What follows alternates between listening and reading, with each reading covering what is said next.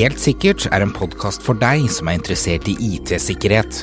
Her tar vi opp aktuelle nyheter, diskuterer dagens sikkerhetsutfordringer og deler gode råd for hva du bør tenke på rundt sikkerhet.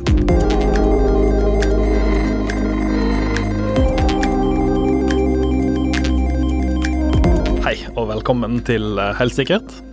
Mitt navn er Stian. Mitt navn er Espen. Espen, du er jo litt ny her hos oss i denne podkasten. Kanskje du har lyst til å presentere deg sjøl? Yes, jeg er en eh, produkt- og kundeansvarlig på eh, Cyber Security. Jeg jobber for det meste med å eh, tilrettelegge for gode løsninger, eller anbefalte sikkerhetsløsninger for våre kunder, og har den oppfølginga der. Så du kommer egentlig bort i ganske masse forskjellig, da. Jeg er ute i masse rart som eh, foregår, eh, både hissen og pissen, skulle du si. Så bare for å klart, Espen jobber jo sammen både med meg og Aleksander, som ikke kan være med i dag.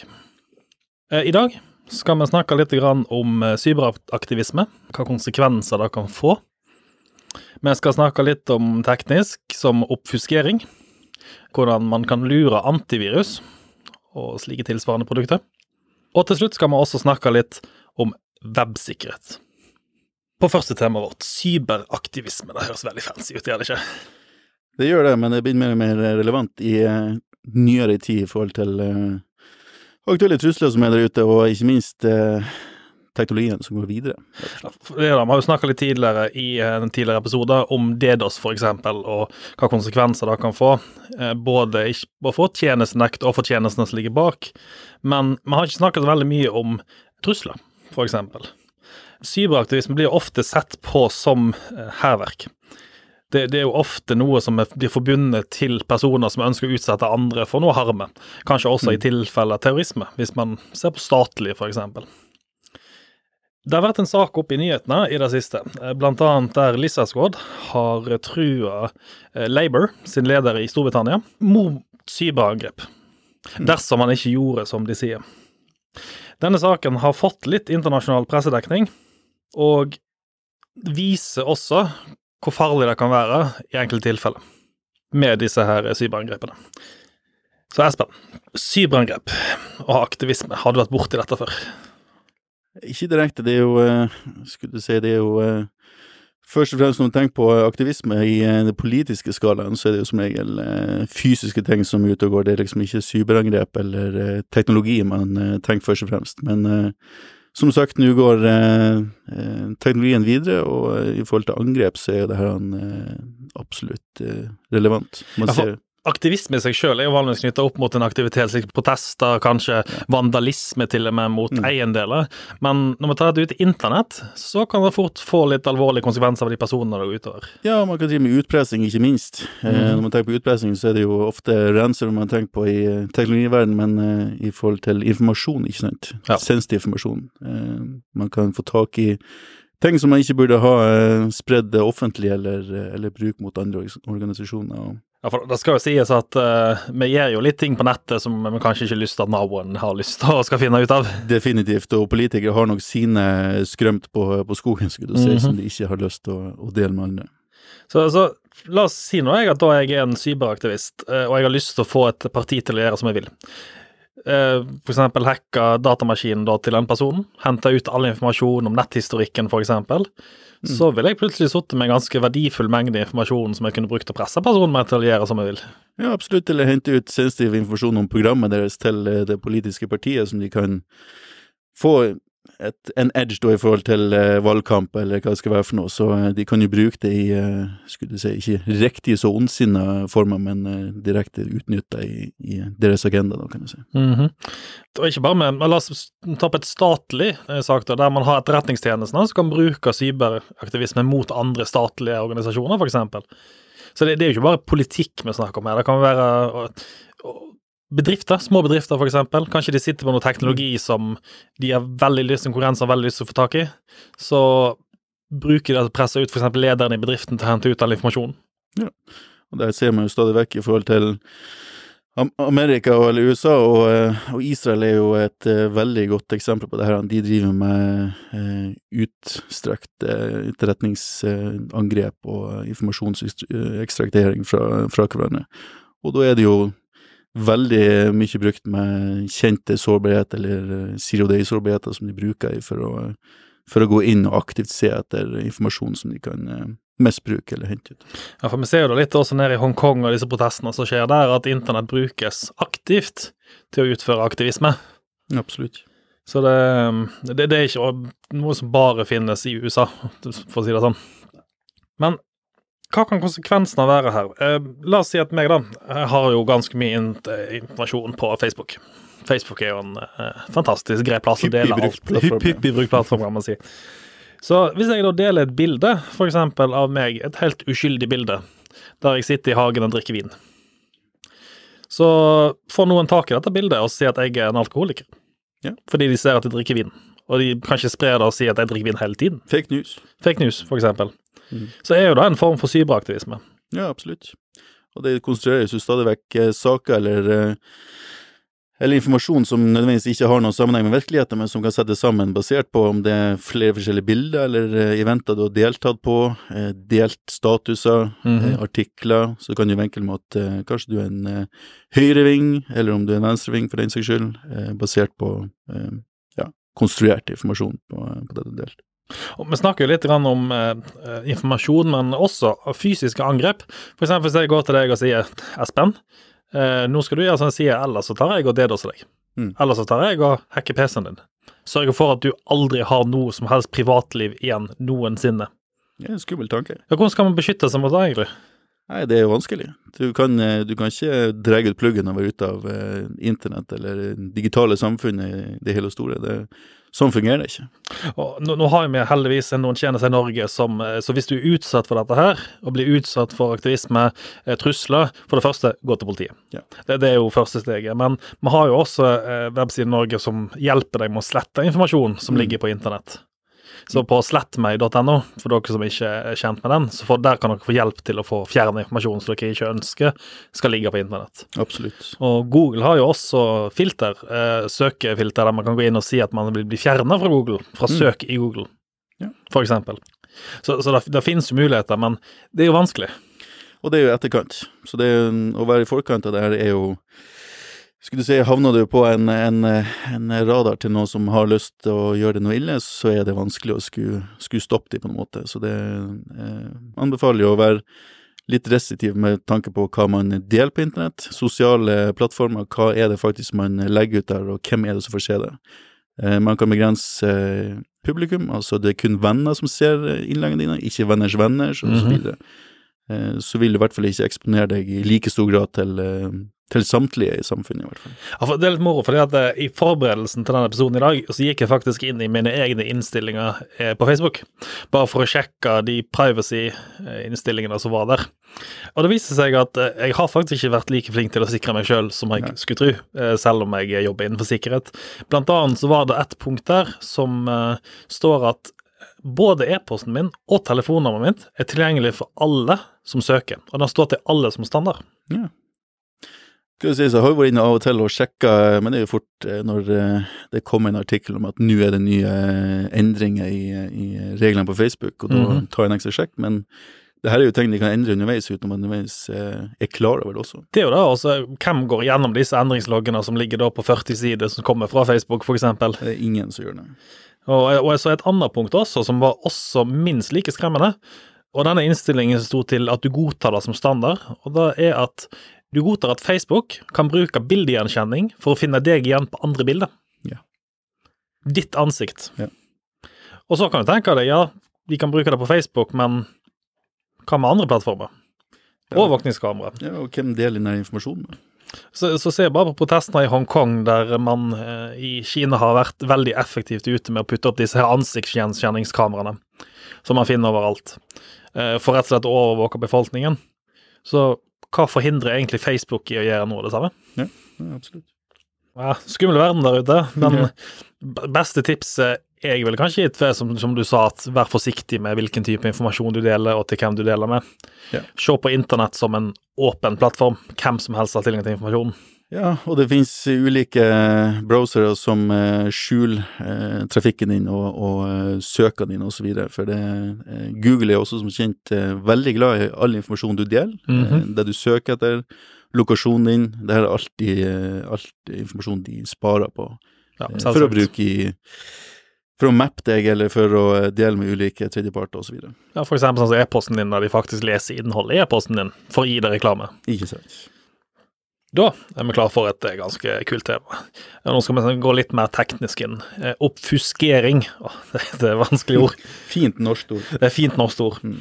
Og i dette tilfellet avansert oppfuskering. Eh, Vi skal snakke om virus. Vi skal snakke om malware og hvordan de kan skjule seg for antivirusløsninger. Tradisjonell antivirus i dag, det eller tidligere var jo kjent De har ei liste som de ser etter gode og ondsinna eh, filer. Mm. Det er ikke tilstrekkelig lenger. Du kan ikke lenger basere det på kun en, en hvit eller en svarte liste lenger. Nei, for, for de, Dagens antivirussystemer er jo lagd på signaturer. Så det vil si at de, noen må ha oppdaga noe tidligere for å faktisk kjenne igjen. Selvsagt man har eh, det som blir kalt next generation, som mer og mer søker etter filer for å finne likheter på filer, for å finne sårbarheter. Men oppfiskering derimot gjør at det blir tilnærma umulig med en veldig god kode å finne disse filene. Så kort fortalt, for dere der ute som ikke vet hva oppfuskering er, så er det rett og slett at jeg tar innholdet i en fil og roter det til, slik at du ikke klarer å kjenne igjen hva som er innholdet i filen. Mm. Men når jeg kjører den, så vil den fortsatt kjøre som en normal fil. Veldig kort fortalt. Slik at du ikke vil kjenne igjen hva, som, hva du faktisk kjører. Dette er en veldig vanlig måte for virus som helvete til å skjule seg, for de samme virusene som ligger der ute, går ofte igjen.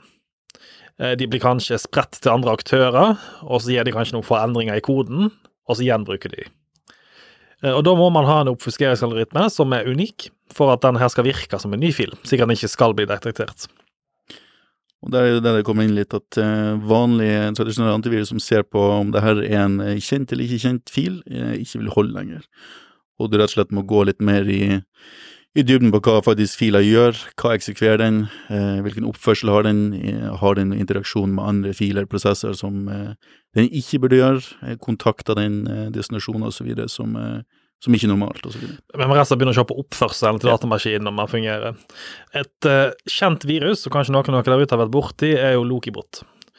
Den har vært kjent nå for å lage nye custom droppers, eh, og en dropper er jo da noen som installerer noe på PC-en, for å plante den informasjonen på PC-en, Om malware på PC-en. Og den brukte jo eh, faktisk en av de gode, gamle, eh, kjente arkivtypene, ARJ, eh, for de som er For, for de som er født eh, før jeg er født, for å si det sånn. Ja, de som levde i gode, gamle eh, Nintendo-tida, skulle du si. Ja, nå, det, nå, nå skal ikke vi kalle noen gammel der ute, Nei, nei, men det, eh, er for all del. Jeg er selv i den generasjonen, så det er ikke noe vondt med. Men eh, det var jo en, en eh, kjent arkiveringstype for å dele opp eh, filer før. Det var ikke den helt store farta på internett før, så for å kunne eh, sende ei på den tida relativt stor fil, eh, så delte man opp for å kunne gjøre det på en lettere måte. Ja, og rett og slett, når man hadde vel mindre filer, så er det større sjanse for at de kom helt over, istedenfor at man overførte 90% og fant ut at noe var feil og måtte begynne på nytt igjen. Stemmer. Mm.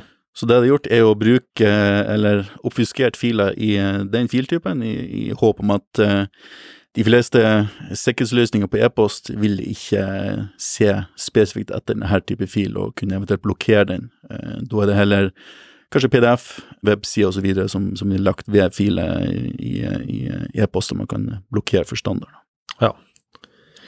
Så hvordan skal man egentlig beskytte seg mot noe sånt? Sånn, eh, I utgangspunktet. Vi har jo snakka litt om å oppdage oppførsel og sånt, men altså en vanlig bruker der ute vil jo ikke sitte og følge med på oppførselen på datamaskinen sin. Ikke klikk på ting. Eh, første, første råd. Har du en fil som du ikke skal motta, eh, ikke har sett den før, ikke vet hva det er for noe, ikke klikk på den. Eh, da er det høyst sannsynlig at det er noen som eh, prøver å lure deg, eller har ei skadevare i, i den. Dette har vi sjøl testa eh, mot våre egne kunder også. Eh, vi har kjørt noen såkalte fish- phishing-tester for å se hva folk faktisk klikker på. Og hvis jeg sender ut en PDF eh, der det står 'du har fått lønnsforhøyelse', eller 'her er den nye lønnstabellen', mm. så kan jeg nesten garantere at du kommer til å åpne den.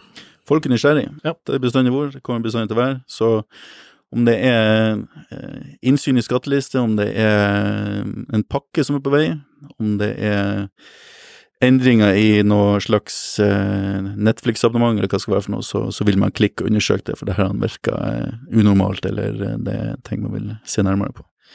Det, det er jo det. Jeg skal jo innrømme sjøl at noen av disse e-postene som kommer, f.eks. Netflix og de, de er jo helt like originalen. Ja. Noen er komplett umulig å finne ut om er ekte eller ikke. Ja, og de står også ofte på norsk. Ja. Det er blitt mye bedre oversettelsessoftware, og det er jo folk som også sitter og gjør det her manuelt også. Så det å se etter dårlig skrevne e-poster lenger er ikke er nesten ikke relevant. Du kommer av og til en, en dårlig skreven e-post, du ser det eh, Ja. med en gang, men eh, Og, da, da viser jeg at dette her er utrolig effektivt. Disse e-postene som kommer ut, de, de treffer folk, og folk klikker på dem. Ja. Jeg har sjøl jobba innenfor bedrifter der vi satt og hjalp folk som hadde klikka på sånn type e-poster og gitt vekk informasjon. Noen ganger så er det helt uskyldig. Du kommer kanskje til en webside som er tatt ned. Kanskje til en innloggingsside for en Office-plattform. Men andre ganger så kommer du kanskje til websider som gir deg noe du ikke burde fått. Ja, og det ransomware er jo kanskje en av de mest utbredte spredningsområdene, skulle du si, på, på e-post. Ja. Eh, det er fryktelig ofte at det er brukere som uvittig har trykt på en link og fulgt en, eh, til en nettside eller til en fil som de lasta ned og fått eh, infeksjon på, på PC-en sin. Og det skal sies her, hvis vi tar litt tilbake på oppfuskering, at selv om du har en oppdatert antivirus, så er det ikke sikkert at jeg vil oppdage det. Eh, Jeg har sjøl jobba litt med dette her og sett på dette her temaet med oppfuskering, og hvor enkelt det er å lure antivirus. Og med en, en god kode som da krypterer disse filene, og skjuler de vekk, så klarer man å lure de fleste antivirusløsninger Mm. til å ikke se noe som helst. Og det går faktisk, eh, hvis dere der ute kommer kanskje til det, det heter FUD, og det betyr rett og slett at fully undetectable, står det for. Og når det er FUD, så betyr det at um, Altså FUD, så betyr det at den er trygg for antivirus og kan sendes ut på markedet. Ingen som tar den. Ingen som tar den. Er det her ting som eh, Skulle du si det er jo veldig ofte man eh, kjøper det her på eh, det Yes. darknet, og om det er verktøy eller virus Du kan si at Den tjenesten som jeg brukte, den heter Dark Comet. Den var en betalingsløsning. Rimelig dyr. Du betaler godt og vel over 2000 dollar i året for å få lov til å bruke den. Mm. Men da garanterer de også i tjenesten at den skal være FUD, altså fullt uh, udetekterbar. Da blir den oppdatert i løpet av året, eller? Ja, blir oppdatert så fort den blir detektert. Ja. Så en ny versjon blir detektert, og så blir koden oppdatert, og så blir den ut på nytt igjen. Fryktelig kjekt. Ja, det er fryktelig kjekt, og det er utrolig enkelt å komme seg forbi antivirus. Det er jo det som er utfordringen, for det er jo det er jo klikk og kjøp, skulle du si, for, eh, for eh, den vanlige mannen i gata. Du trenger ikke være en eh, hacker eller ekspert på IT. For Det er å det, du har tilgang til et forum, sant. Ja, sant? Det er alt du trenger, og så få kontakt med en selger, og så må man tilgang til verktøyene. Men altså, altså, igjen, vi har jo leverandører som da har sett på dette her, som nå begynner å se på oppførsel og de bitene. Men igjen, du må jo ha noen folk bak som sitter faktisk og tar imot disse varslene som du får. Ja. For en vanlig bruker vil jo ikke klare å forstå hva som faktisk er normal og unormal oppførsel på en PC. Nei, overhodet ikke. Og det er ikke sånn som eh, tidligere i tida, hvor eh, fikk du infisert noe, så var det CD-rommet som spratt opp, eller det kom en Ja. smiley på skjermen, eller osv.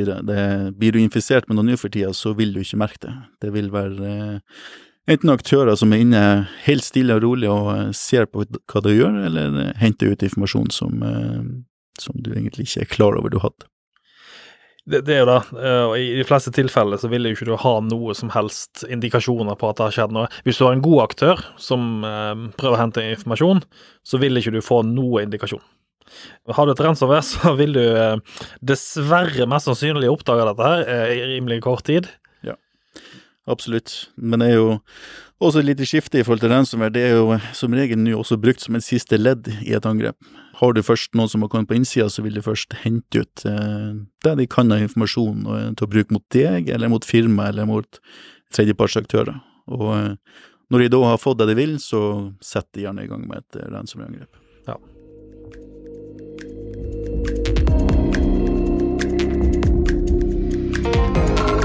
Da skal vi ta og snakke litt om eh, siste temaet vårt. Og det er websikkerhet. En frykt av ting. Det, det, dette, her, er- dette her er vel noe de fleste kanskje ikke har altfor mange tanker om, men de burde kanskje hatt litt mer fokus på. For hva skjer egentlig når du går på internett på vg.no? Du besøker websiden, du får opp litt reklame, og du leser nyheter. Du går så videre til neste side, la oss si bbc.com, Mm. og gjør det samme der. Hvordan vet du at den informasjonen du får levert fra disse tjenestene, er legitim? Eller om det plutselig ligger i reklamebanneret som du har vist, et virus? Og hvor masse verktøy og så videre er det som egentlig popper opp i bakgrunnen og skal samle informasjon eller kjøre statistikk på deg, eller eh, ja, diverse. Det er akkurat det. Wordpress er jo et veldig kjent uh, publiseringsverktøy der ute, og det finnes uendelig masse plugins til Wordpress. Så, så, så mye at eh, det er et eget økosystem i seg sjøl. Hm. Men den pluggen som du velger å installere, da, som uh, kanskje skal gi deg uh, analytics-informasjon, som ikke nødvendigvis er publisert fra Google, men kanskje fra en ekstern leverandør, hvordan kan du vite at den pluggen faktisk ikke sender informasjon til en tredjepart i tillegg? Ja, absolutt. Og det er jo eh, de fleste eh, websider i dag, eller i hvert fall eh, eh, litt større eh, websider, har jo også som regel eh, tredjepartsleverandører inne i bildet, Ja. som eh, leverer kanskje ads, eh, sine egne verktøy, Mhm. plattformer osv., som du da overhodet ikke har kontroll på hva de, eh, hva de egentlig tilfører eller har å kode på, på sine løsninger. Det da. Eh, hvis du for eksempel, dere sitter ute nå, eh, hvis dere høyreklikker i Chrome, og så tar dere og så åpner Exploreren og trykker på Network, og så besøker dere en random side, så vil dere mest sannsynlig se at det lastes et, en haug med biblioteker fra andre servere enn til den websiden man faktisk besøker. Så bare- gjør det som en liten test. Og så besøker dere eksempel vg.no. Det som dere vil se, er at det lastes informasjon da fra tredjepartsleverandør. Fordi kanskje en font fra Google, kanskje man har da behovet for å bruke den spesifikke fonten, man har ikke lyst til å hoste den sjøl. Kanskje det lastes Analytics-nettverk, kanskje man har egne løsninger som da analyserer data. Kanskje man har en tredjepart som leverer reklame. Og oppi alt dette her, så skal du vite at dette er OK eller ikke OK. Ja, og en ting er jo hvordan informasjon som egentlig blir spredd og hentet ut fra din, eh, fra din nettside eller deg som bruker, men det er også eh, i forhold til skadevare. Ja. Eh, det er veldig lett å utnytte sårbarhet i Java, for eksempel, -hmm. og de fleste bruker Java på et eller annet slags verktøy på, på nettsiden. Det, er det da, Java er jo et veldig populært verktøy. Det var iallfall et populært verktøy, skal vi si. Det har, det har falt ganske mye de siste årene i popularitet, og andre verktøy har tatt over, f.eks. slik som Javascript, eh, som er mer et scripting-verktøy. Så, så, så det er en endring. Og Java, som du sier, har vært brukt ganske mye. For eksempel så eh, nå skal, la, la oss si noen lagde et uh, testvirus med en Java-installasjon som jeg la inn på en webside uh, i en div, med én piksel størrelse. Det vil si at den viste ikke på websiden. Men den lasta fortsatt Java-applikasjonen. Så la oss nå si da at jeg hadde lagt den inn på en side som allerede hadde en Java-applikasjon. Og du trykte 'yes', jeg vil kjøre den, og så trykker du 'å ja, kom på nytt igjen', så jeg trykker 'yes' igjen. På det tidspunktet så har jeg allerede installert virus på PC-en din. Det er så lett kan gjøres. Det er det. Og, men vi snakker jo litt om Javascript òg.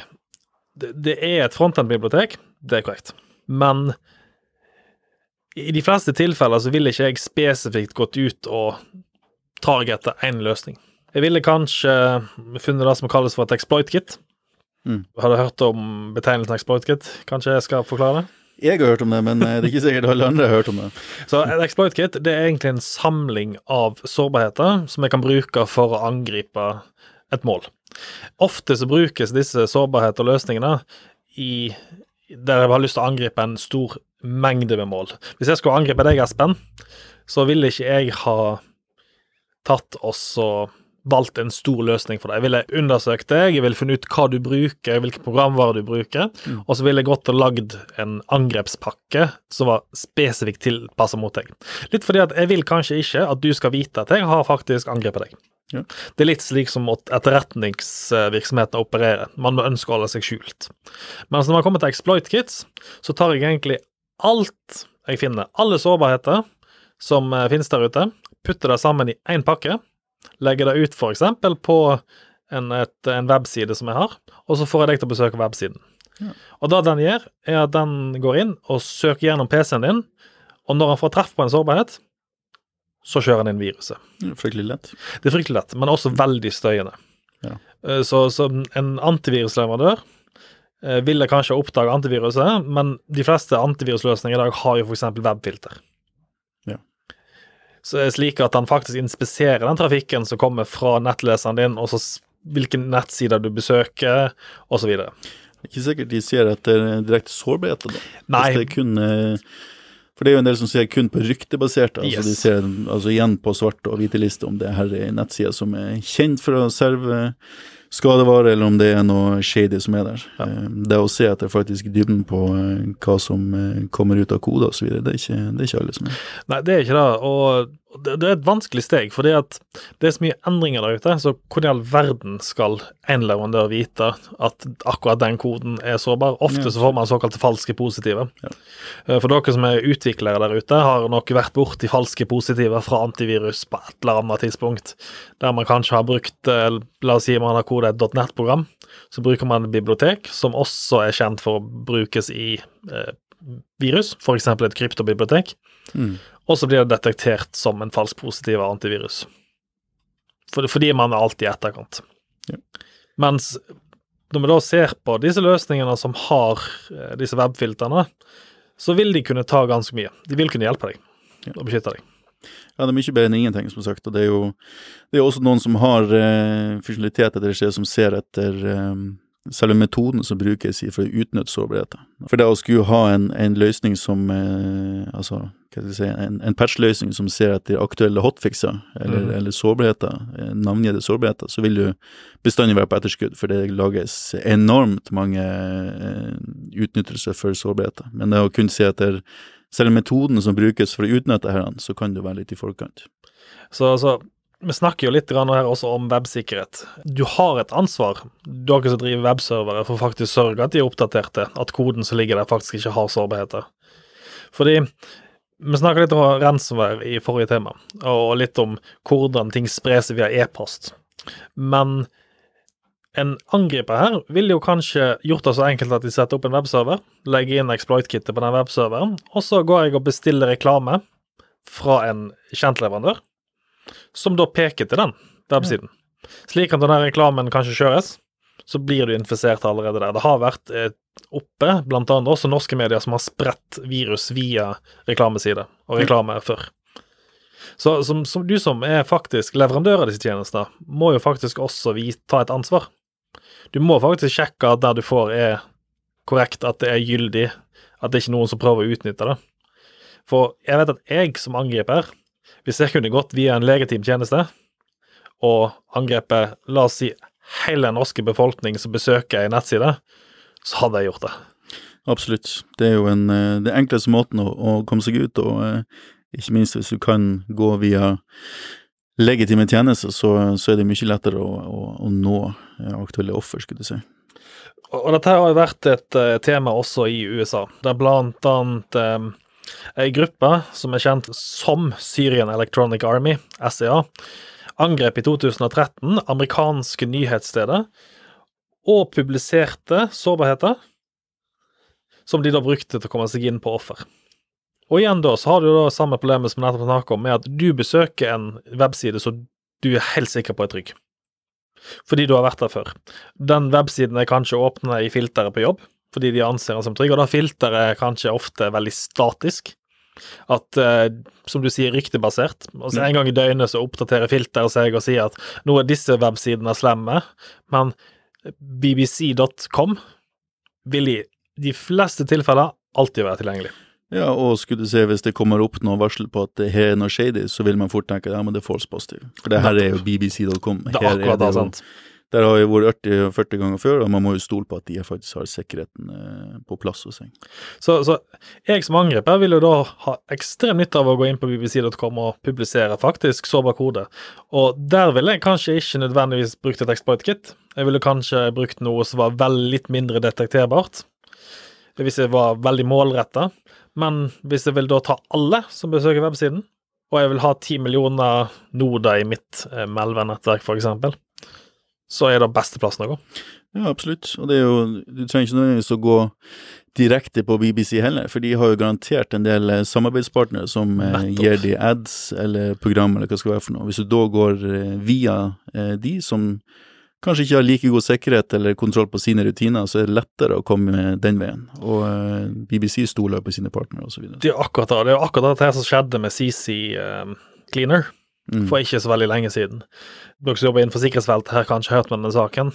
Det var en CC Cleaner-versjon som in også installerte malware på maskinene. Uh, og det skjedde ved at uh, de angrep rett og slett underleverandøren til CC Cleaner. De som pakketterer og kompilerer koden, Mm. og putter det inn der, på det steget. Så de, CC-klinene var aldri utsatt for noe angrep, men de fikk fortsatt produktet sitt infisert. Og når de sendte det ut. Og det er en tredjepart. En tredjepart som ikke har de sikkerhetsrutinene på plass. Og det har faktisk skjedd med flere leverandører òg. Det er ikke et unikt tilfelle sånn sett, så det er, det er en populær måte å gjøre det på, så lenge man får eh, nødvendig aksess. Det det, og det, det er skummelt. og det er veldig lett for de som sitter der ute og leverer disse tjenestene, og tenker at det er ikke så farlig. Altså, det er jo ingen som kommer til å angripe oss allikevel. Nei, og det er et poeng hvis man Hvis man får en, en eh, et eh, virusvarsel eller et, eh, et varsel om mistenkelig oppførsel fra en kjent applikasjon, så ikke bestandig tenk at det her kan være en false positive, eller det her er en bug en eller annen plass. Det kan faktisk være at cyberkriminelle har tatt over applikasjonen, eller eh, den med noe, noe skadevare, rett og slett. Ja, La, la oss si da at jeg har lyst til å angripe en bedrift som jeg vet produserer la oss si viktige elektroniske komponenter. De, er- de er ledende på dette området. De er kanskje ikke så store, 20-50 ansatte. Enkleste måten jeg ville gjort det på, så ville jeg gått inn på webserveren deres. Normalt sett så er den hosta av en tredjepart, kanskje på en billig webhost, fordi at de har ikke lyst til å bruke så mye penger på webhosting, eh, og ikke sikkerhet heller, for så vidt. Så stor sannsynlighet for at det ligger på en delt hostingplattform. Så ville jeg kanskje gått inn, eh, putta noe inn på websiden deres, slik at når daglig leder da besøkte websiden sin, så ble den infisert. Ja. Og på denne måten har jeg tilgang til hele bedriften. Veldig enkelt. Mm.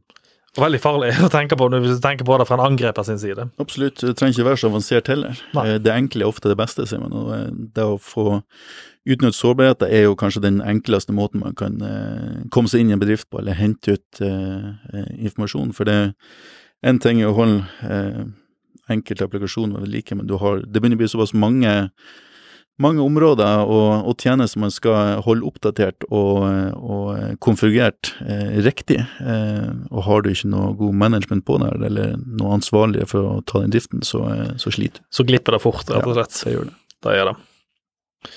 Yes, det var egentlig eh, alt eh, jeg hadde for i dag i denne episoden her. Ja. Veldig hyggelig å ha deg med, Espen. Så bra. Håper jeg kommer tilbake. Det gjør du nok. Da, da garanterer jeg at du gjør. Eh, Dere der ute får ha en eh, fortsatt riktig fin dag. Og takk for at du lytta på oss. Ha det bra. Ha det. Podkasten Helt sikkert er laget av Cybron Security og produsert av Shaw Media. For mer informasjon om IT-sikkerhet, gå inn på cybron.no, eller så finner du oss også på Facebook under navnet Cybron Security. Vi tar gledelig imot innspill, tips, eller om du har spørsmål rundt din IT-sikkerhet.